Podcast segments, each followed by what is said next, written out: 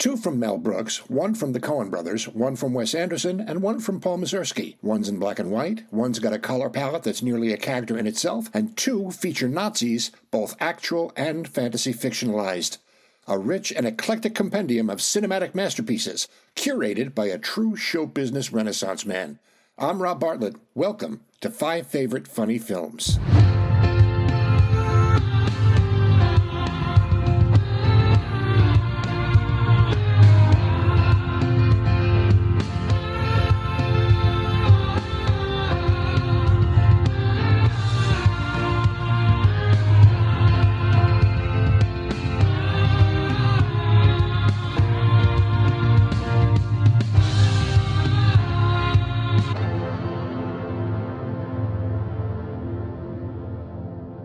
Guest this week has been in professional show business most of his life.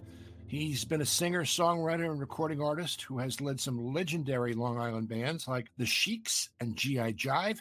I met him in the early 80s while he was part of a musical comedy act he created called the International Friends of the Video. And subsequently, we worked together writing and performing a video parody of PM Magazine called Magazine du Jour. He has been a Broadway producer, theatrical and comedy booking agent, is a television producer, creator, director, and writer of the comedy sketch website The Ruthless Spectator, as well as the Rob Bartlett Radio Comedy Hour, and has been my personal manager and friend for longer than I've been married. Please welcome to 4F, the Renaissance man, Mr. Gary Grant. You forgot Miami.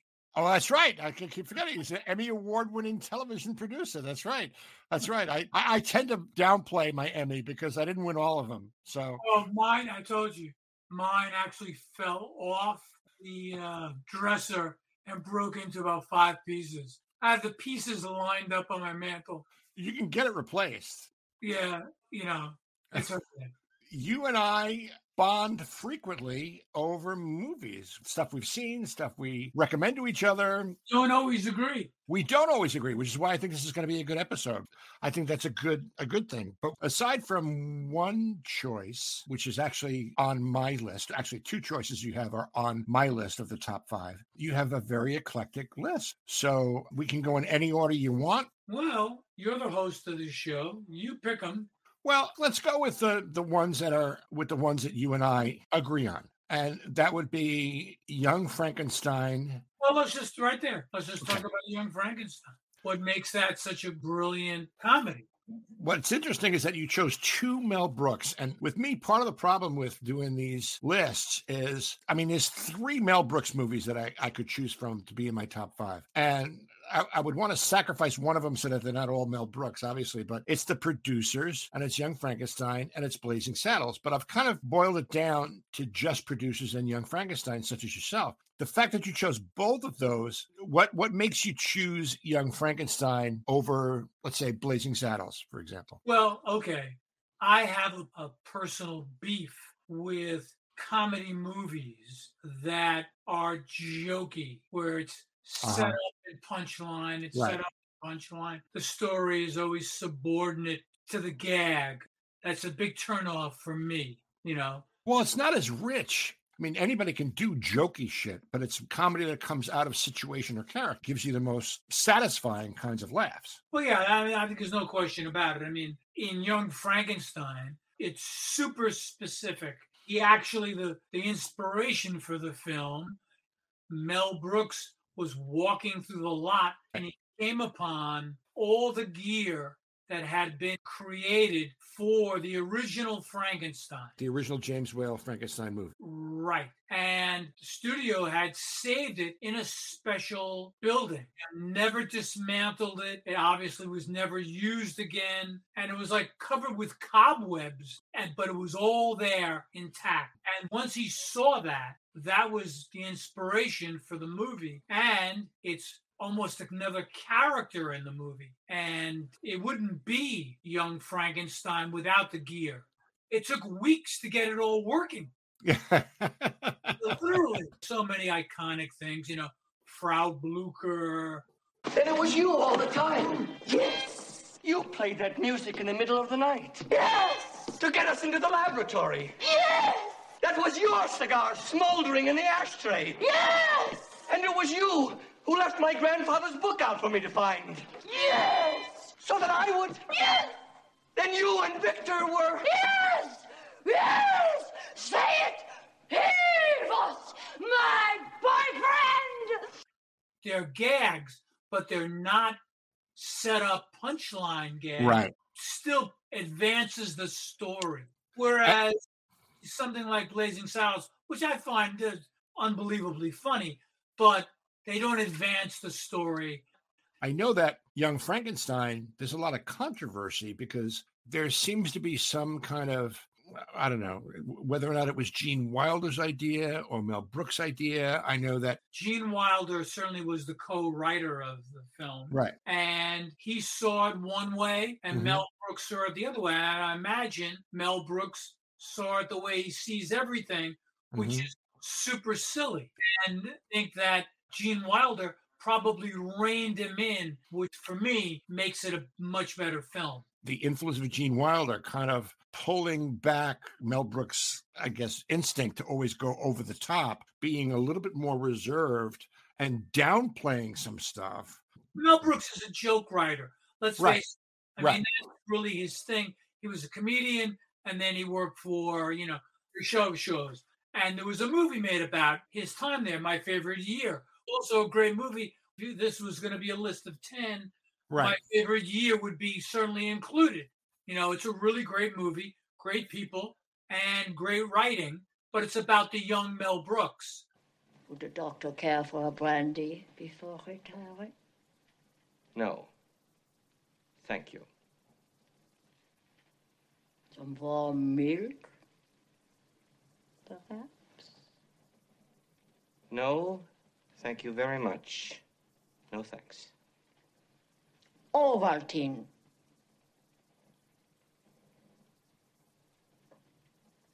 Nothing. Thank you. I'm a little tired. Producers. I, I think the first time I saw it, it was on the 430 movie. Remember the 430 movie? It used to be on Yeah. Channel 7 in the afternoons. I used to come home from school, watch the 430 movie.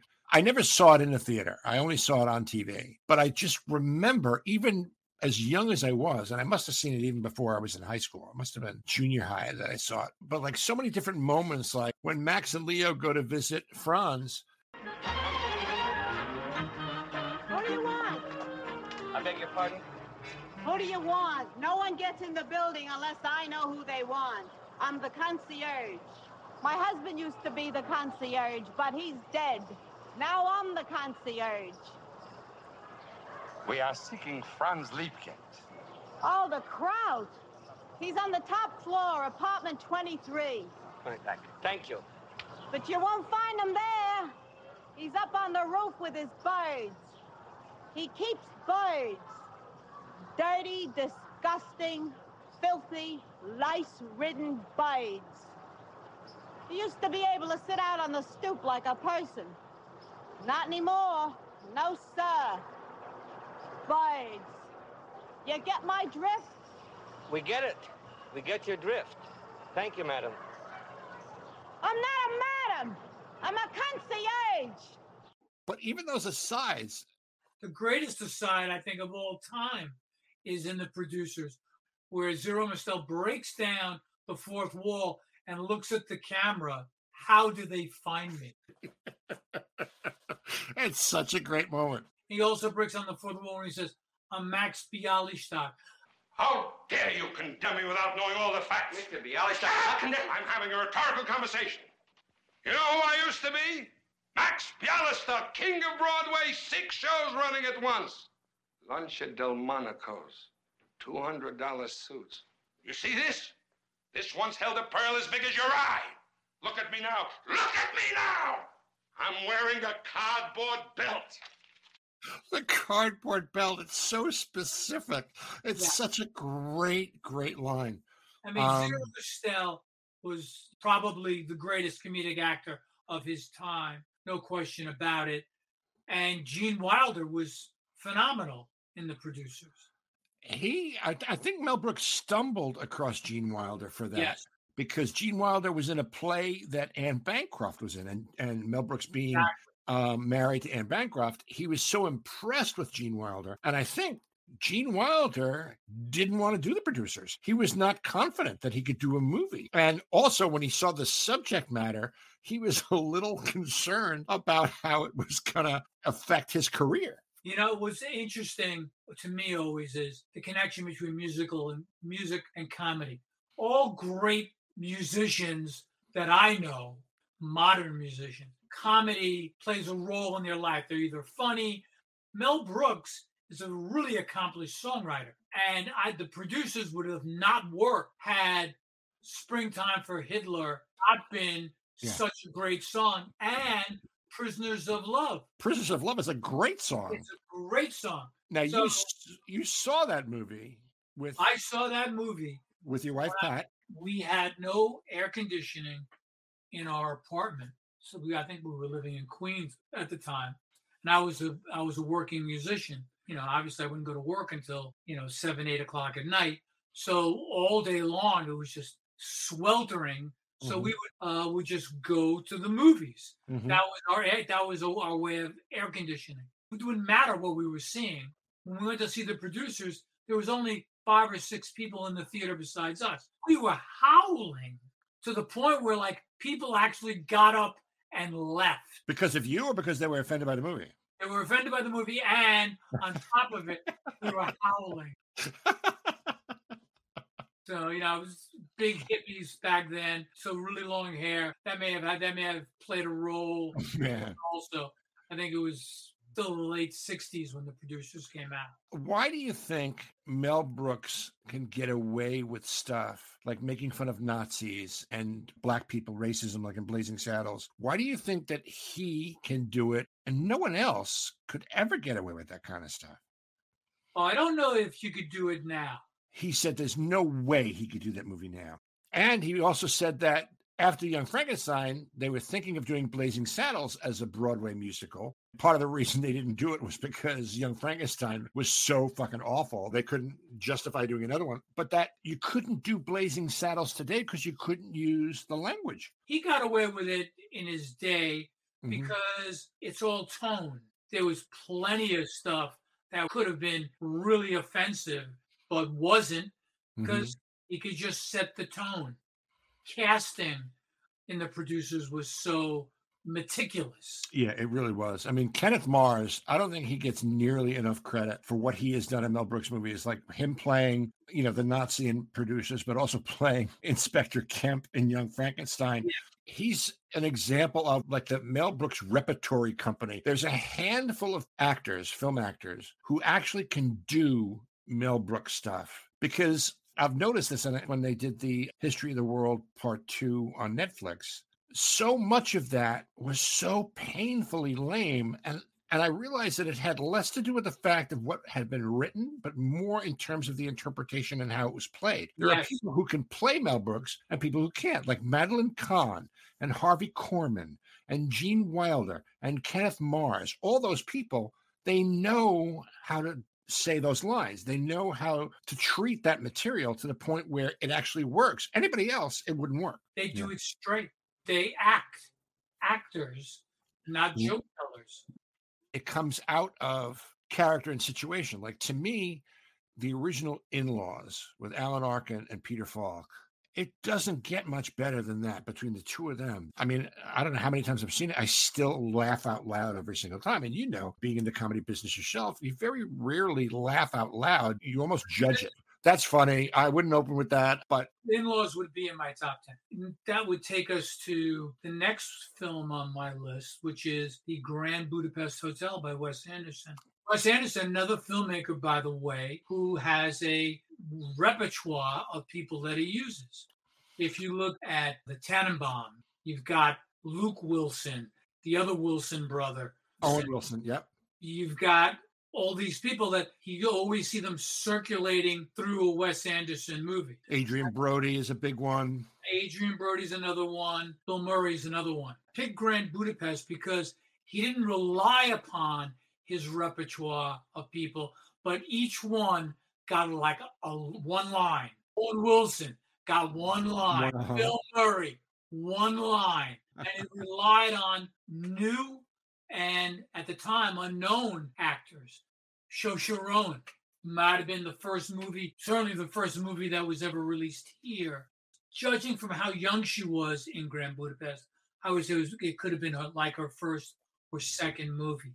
I love that movie because it reminds me of Young Frankenstein insofar as the setting so specific. It relates to a time period, even though he doesn't use the Nazis per se. He has Mhm. another group represent the Nazis, and also visually so unique. There's Yeah. not another movie you can compare it to, even. I actually watched it because I hadn't really seen the whole thing all the way through. It was one of those that I would catch bits and pieces when I would flip through. And the art direction of it and the tone of it And even the chroma. and the pacing of it, it's all so specific. It's so stylized. And Ralph Fiennes is so amazing in it. He is so great. Run to the Cathedral of Santa Maria in Brucknerplatz, buy one of the plain half-length candles and take back four Klubecks in change. Light it in the sacristy, say a brief rosary, then go to Mendel's and get me a courtesan au chocolat. If there's any money left, give it to the crippled shoeshine boy. Right away, sir. What's your favorite moment in uh, Grand Budapest? I'd have to say anything that has to do with the bakery really cracks me up. What's in the box? The bakery and the baked goods are so good that they actually become a character in the movie. So, yeah, I don't have a specific moment, but, But- anything that has to do with Mendel's right, really cracks me up. right. And you know, the fact that she works there. And Mendel, by the way, doesn't do any baking. You know, she does all the baking and the boxing. She does everything. And then she and then she delivers the baked goods. It- it's it's anyhow. Yeah. want to move on to something more traditional. Yeah, I'm sure on many lists, the Big Lebowski is one that's been discussed. I couldn't leave it off my list. I would say, knowing you, it's not only one of your favorite five funny films, it's probably in your top five favorite movies of all time. Well, I'll put it to you this way there are certain movies that when I'm flipping through, no matter where it is in the movie, I'll stop and Uh-huh. watch it. Godfather Part One and Part Right. Two. Big Lebowski is another one of those movies. No matter where it is in the Mhm. movie, I'll stop and I'll watch it to the end. That's kind of the, the basis for, I think, what this podcast is. The movies that people choose are usually those kinds of movies that when they see it, they have to stay to the end. It's just one of those things you can't help yourself. Not I just know- that, I, I could be on my way to be watching something altogether different. If The Godfather is on, even though I've seen it maybe 50 times, easy. I'll always watch it and I'll always see something in it that I didn't see before. It could be a flaw. And in many cases, it is. There's Mhm. bad continuity in Godfather Part uh, 1, especially involving Tom Hagen's wife. They refer to her, but you never see her. You never see her in Godfather Part 1. Oh, you do. She's at the wedding. She's at the wedding. She has no lines. She's also sitting around when they're waiting to find out if the Godfather's going to live or not. Oh, that's so funny. I never realized that before. She's there. And the, the dinner scene, when Sonny brings Carlo over, she's there with no, with no ah. lines. She's a character that's referred to. She's there, but she never says anything. Wow. I never realized that before. Okay, well, in any event, in Big Lebowski, it's a great story, you know, and Coen Brothers, their works will go on many, many decades in the future. And the Big Lebowski will be at the top of the list. The story itself is great. Once again, there's one gag after another, but it's never a gag. It's all about the characters. And even when he's saying something, you know, that's really funny. Like, is that a marmot? You know? then when he's telling Walter the story, you know, Walter like just says something to him like, "What are you like a park ranger?" There's just so many little things like that. The only one who really goes over the top, and everybody loved this character, is John Turturro. What's this day of rest shit? What's this bullshit? I don't fucking care. It don't matter to Jesus. But you're not fooling me, man. You might fool the fox in the league office, but you don't fool Jesus. It's Bush League psycho stuff. Laughable, man. I would have fucked you in the ass Saturday. I'll fuck you in the ass next Wednesday instead. Woo! You got a day Wednesday, baby. But they kind of cancel it out when they show the scene of him having to go door to door, telling everyone in the neighborhood Yeah. that he's a sex offender. That, Yeah. that kind of cancels it out.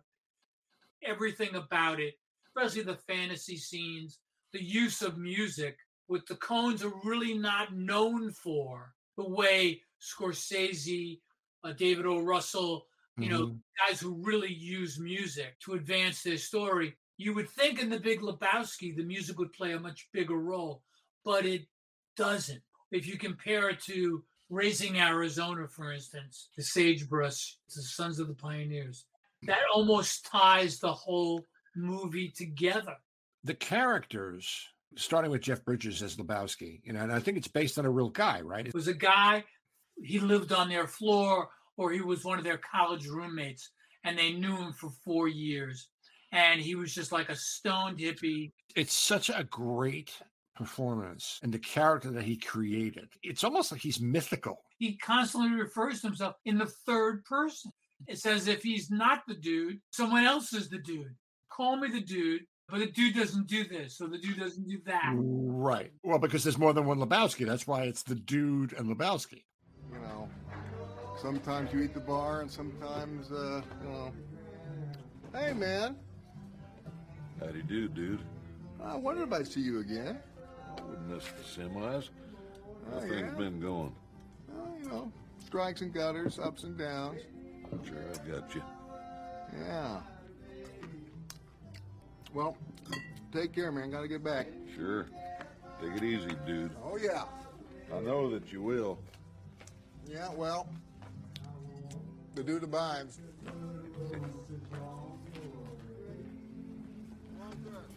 The dude abides.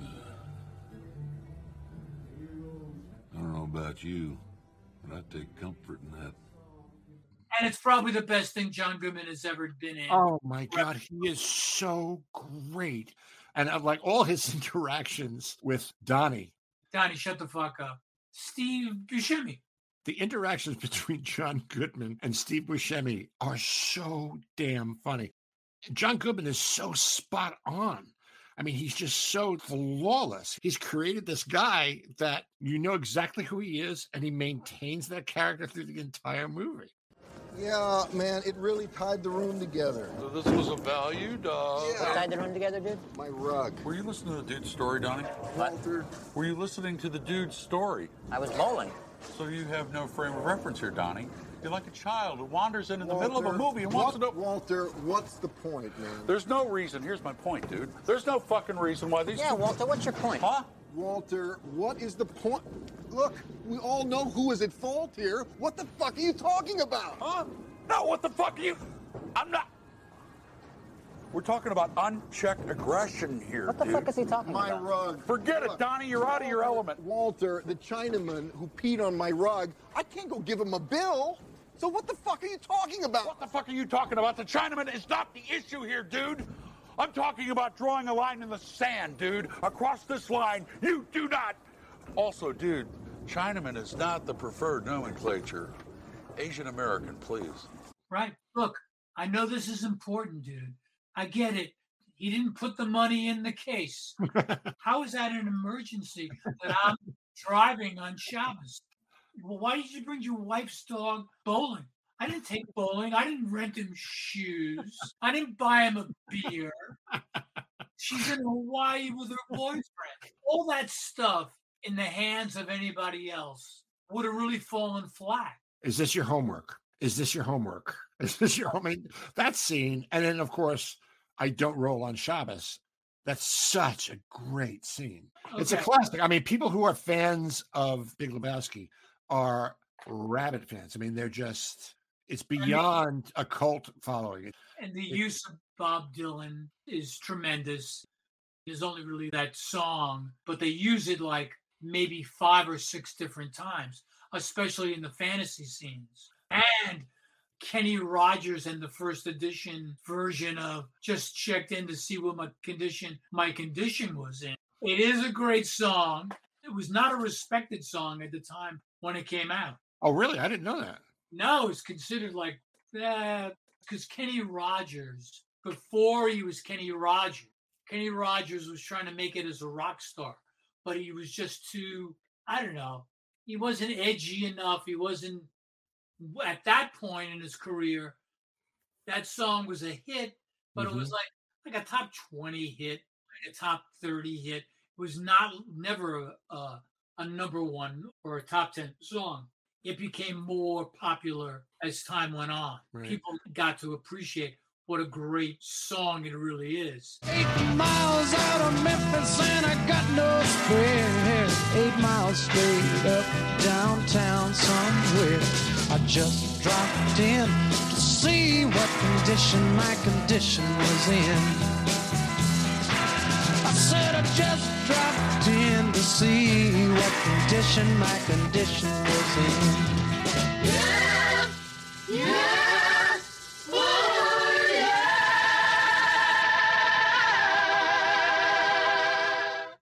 The Dylan song that they chose is not a really well-known Dylan song. It's the, the Man in Me. Storm clouds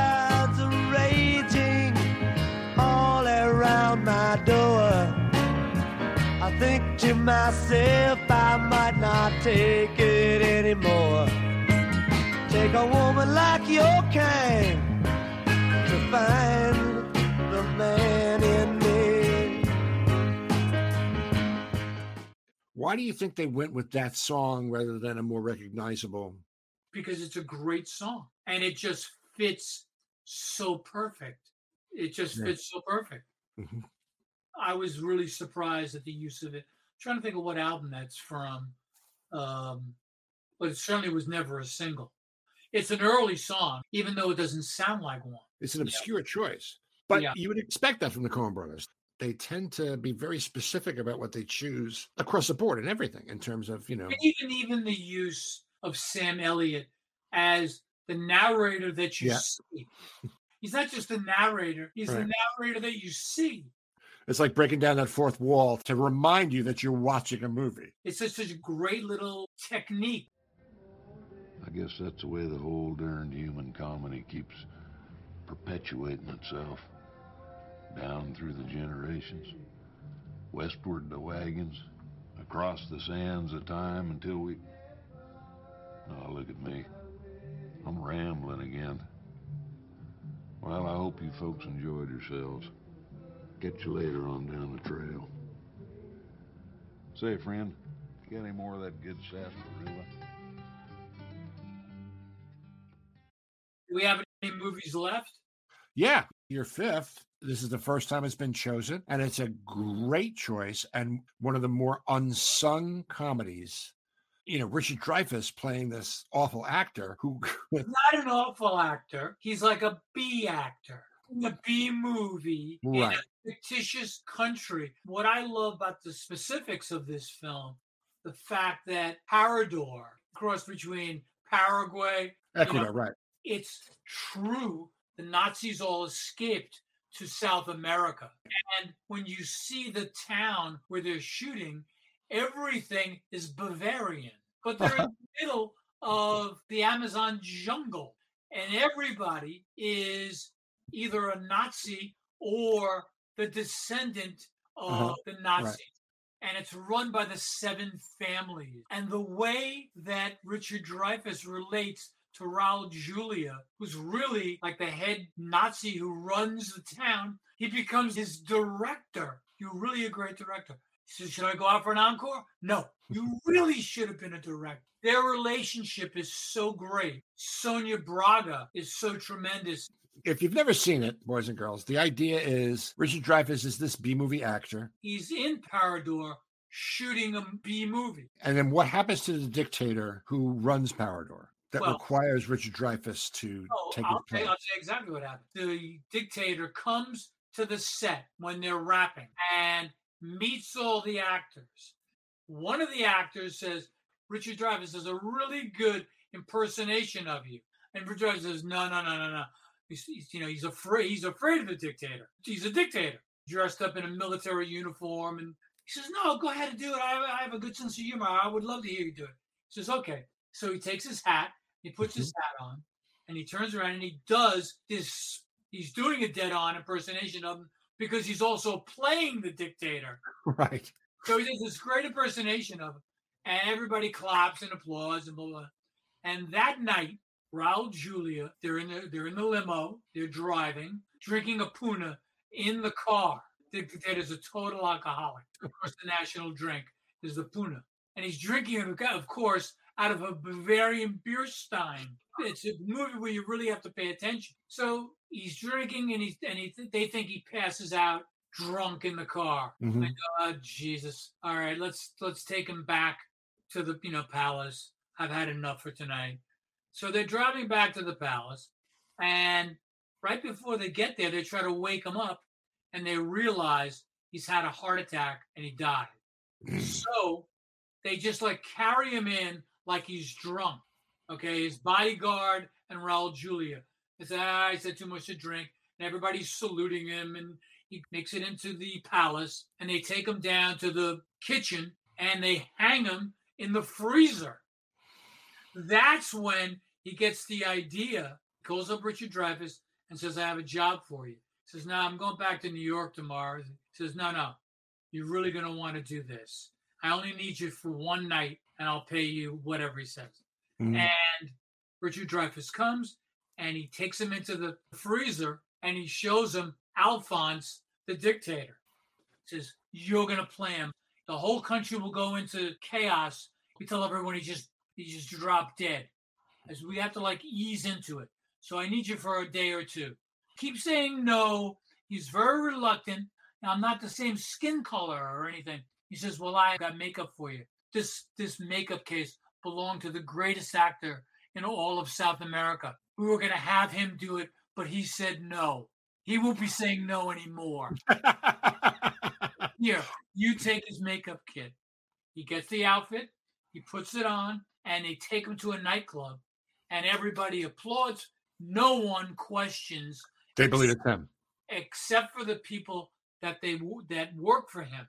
They all know it's not him, but they're all Nazis and they're on the verge of retiring, and they're or they're or they're getting paid a lot of money. The dictator is the dictator is the dictator. That's the line. Everybody toes it. She has to make a speech the next day, a speech, and in it he starts using the Man of La Mancha lyrics. it's really funny, and they find it inspirational. And Mhm. now all of a sudden, the dictator's more popular than everyone. and now they can't get rid of him.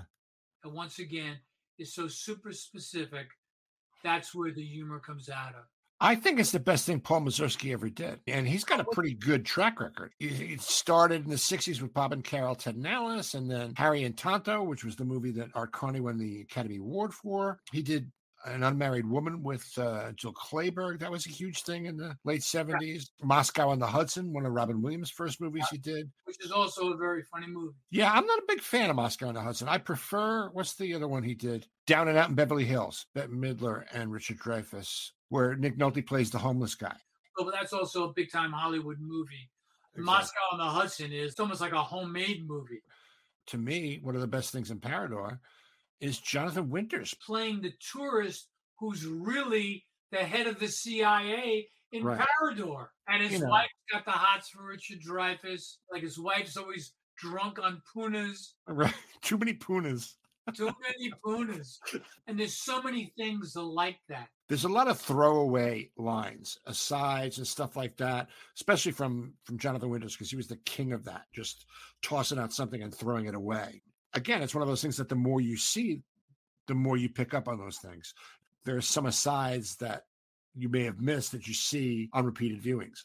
I, I think rewatchability has a lot to do with the choices people made because I mean, normally you see a comedy movie, you know where the jokes are, you know where the laughs are, And so it's not surprising. I mean, you know, but it's almost like comforting in that you almost expect the jokes. Like when I saw Blazing Saddles at Radio City, before the scene started, you could hear the audience start to laugh, knowing what was coming, because everybody knew the movie. So you relive your favorite parts. Um, if you had to pick one out of the five, which one would you pick? You could only pick one. Well, that's you know, it's you really That's a tough one, I know. the diversity of styles here makes it very difficult. Right. But gun to the head, you're in a burning building. You can only take one of them with you. I could only take one of them with me, hmm I don't know if it's because we were just talking about it, but I would have to say Moon over Parador. Oh, interesting. Very, very interesting. It is a really funny movie, though. It really is. I mean, and I, I kind of like it because it almost a similar idea, well, not idea, the similar scenario in that it's this fictional South American country like Tijada in The In Law. But what makes Moon over Parador different is the whole undercurrent of being populated by Nazis. You know, and the whole idea of these Bavarian buildings in this rainforest country. It's like an alpine village in the middle of the Amazon. There's also a similarity here with Tootsie. When you take someone, put an actor in, in a different scenario. About this, as the movie progresses, he's enjoying being the dictator more and more, Right. especially with Sonia Braga Uh-huh. and his relationship. And he's changing the country. He's going on a diet and he wants the whole country to exercise in the morning with him on TV. he's doing calisthenics, all these things. So he's trying to improve the country. And this is only irritating Raul Julia, Raul Julia, right. who's like thinking, I can't kill him now. I'm definitely going to kill this guy when the time comes. You know, it's creating an alternate universe. Right. I think that's kind of the theme, the films that I have selected, is that each one has created its own world. Each one of the worlds has its own set of rules that are never broken, and so on and so forth. Absolutely right. They have established this scenario adhering to all the rules. They, they don't alter it. They take the real world, but they create their own world within it. One of my favorite things in Moon over Parador is when he makes a speech, but they have to sing the Parador national anthem, and they bring out Sammy Davis Jr.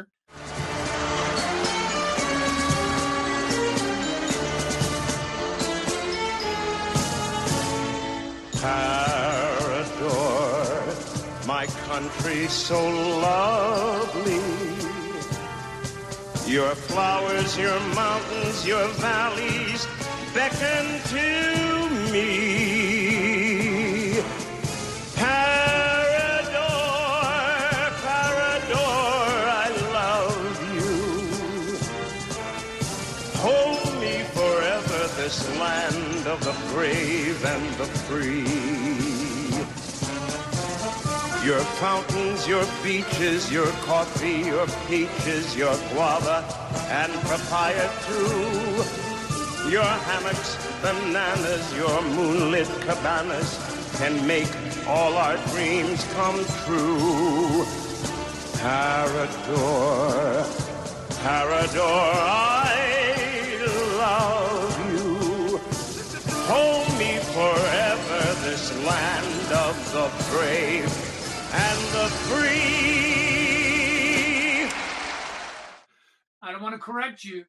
He comes out and sings for the dictator, and he does sing Besame Mucho, but the national anthem is O Tannenbaum. Whenever they have the military band and the dignitaries and the dictator appears, the song they play is like a Oompa band version of O Tannenbaum.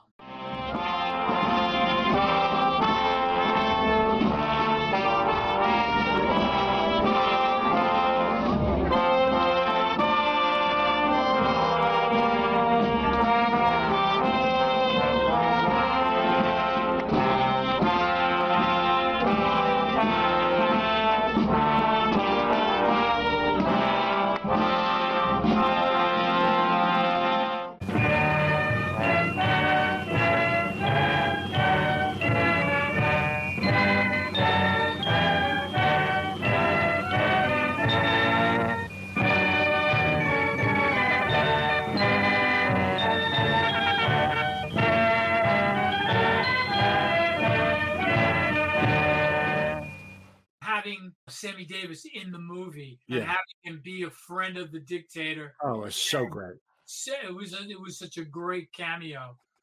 This was great. I mean, it's a really well thought out list. Uh, very interesting. Oh, you say that to all your guests. Oh no, no, no. One of the things that we bond over is the attention to detail on movies. You know, you like me went to see Monty Python and the Holy Grail and stayed in the theater to watch it a second time. Same thing with Spinal Tap. I mean, it's those kinds of things. I'm sorry to see they're doing a sequel to Spinal Tap. That's a really, really bad idea. Because they've tried a couple of times. They've done like little shorts I and know, I've done shorts. I know. Don't get me wrong. I love Christopher Guest movies. I think Waiting for Guffman is one of the single funniest movies and so inside baseball. What's the name of the first Robert Townsend movie? Hollywood Shuffle? Hollywood Shuffle. Spinal Tap is like Hollywood Shuffle insofar as they shot it in intervals when they had the money to shoot Right, it or right. the time for Yeah. you you know away from their regular careers to to devote like a week. They would shoot for a week. Right. And then same thing with Hollywood Shuffle. When he ran out of money, they Mhm. wouldn't shoot. And then when he would, you know, get another credit card or or he raised a few grand or he got a job and he had some money, then they would shoot another chunk of it. Right. Right. Yeah. I, I, you know, in that movie, I think that was really, when you think about it, what a trend setting movie that was in terms of, It would never would have been in living color if there was an Hollywood Shuffle. oh, absolutely not. You're absolutely right. But Spinal Tap created the documentary style, the talking head thing, where they just cut away to the the interviews about the story, and that had never really been done before. And it's such a trope now when it comes to sitcoms. Abbott Elementary uses the same format, where they interview people, they comment on what we've just seen on on camera. Thanks for doing this, man. I hope Is- your fans enjoy it. Can you recommend a comedy film for people to check out that might not be on your list? I would say A Night at the Opera by the Marx Brothers. Uh, I know because you're such a student of film, and I know how the Marx Brothers loom large in your legend as they do me. And again, it's one of those things like Mel Brooks. How do you choose one Mel Brooks? But if I had to choose one Marx Brothers movie, gun to my head, It'd be at ab- the Opera. absolutely not at the opera. My second choice would be Animal Crackers. Once again, music playing a big Music. role. Hooray for Captain Spaulding. More often than not, people cite Duck Soup rather than those two. And to me, Hello, I Must Be Going, Hooray for Captain Spaulding, and, and just Night of the Opera itself as a movie. Like the last 10, 12 minutes is about as great as a comedy movie ever gets. Everything that goes on in that 12 minutes. It's just it's laugh after laugh after laugh after laugh. It's just it's perfect movie making. I think they were at their height. That's what, yeah, they were at their peak. They were at their peak. That was like the like the apex of where they were at. I mean, Day of the Races is good because they used to always play that as a double feature, like at the Uniondale Mini Cinema, and when the Marx Brothers had that renaissance in the in the late seventies where they were back in the theaters. They used to always play Night of the Opera Day at the Races as like a, a double feature. I guess we've wrapped it up. We did, boys and girls. Gary Grant, the legend, the man, the myth, the Beastmaster himself. He's waving goodbye to the crowds as he fades into the sunset. Five Favorite Funny Films is a Babyhead production, written, produced, and edited by me, Rob Bartlett. The 4F theme song composed by Gary Grant. Mr. Bartlett's wardrobe provided by Botany 500. Our show was taped live in Cleveland, except for the parts not taped in Cleveland, in front of a non existent studio audience. No animals were harmed in the recording of this podcast. We'll see you again on the next Five Favorite Funny Films. Until then, be kind to each other, won't you?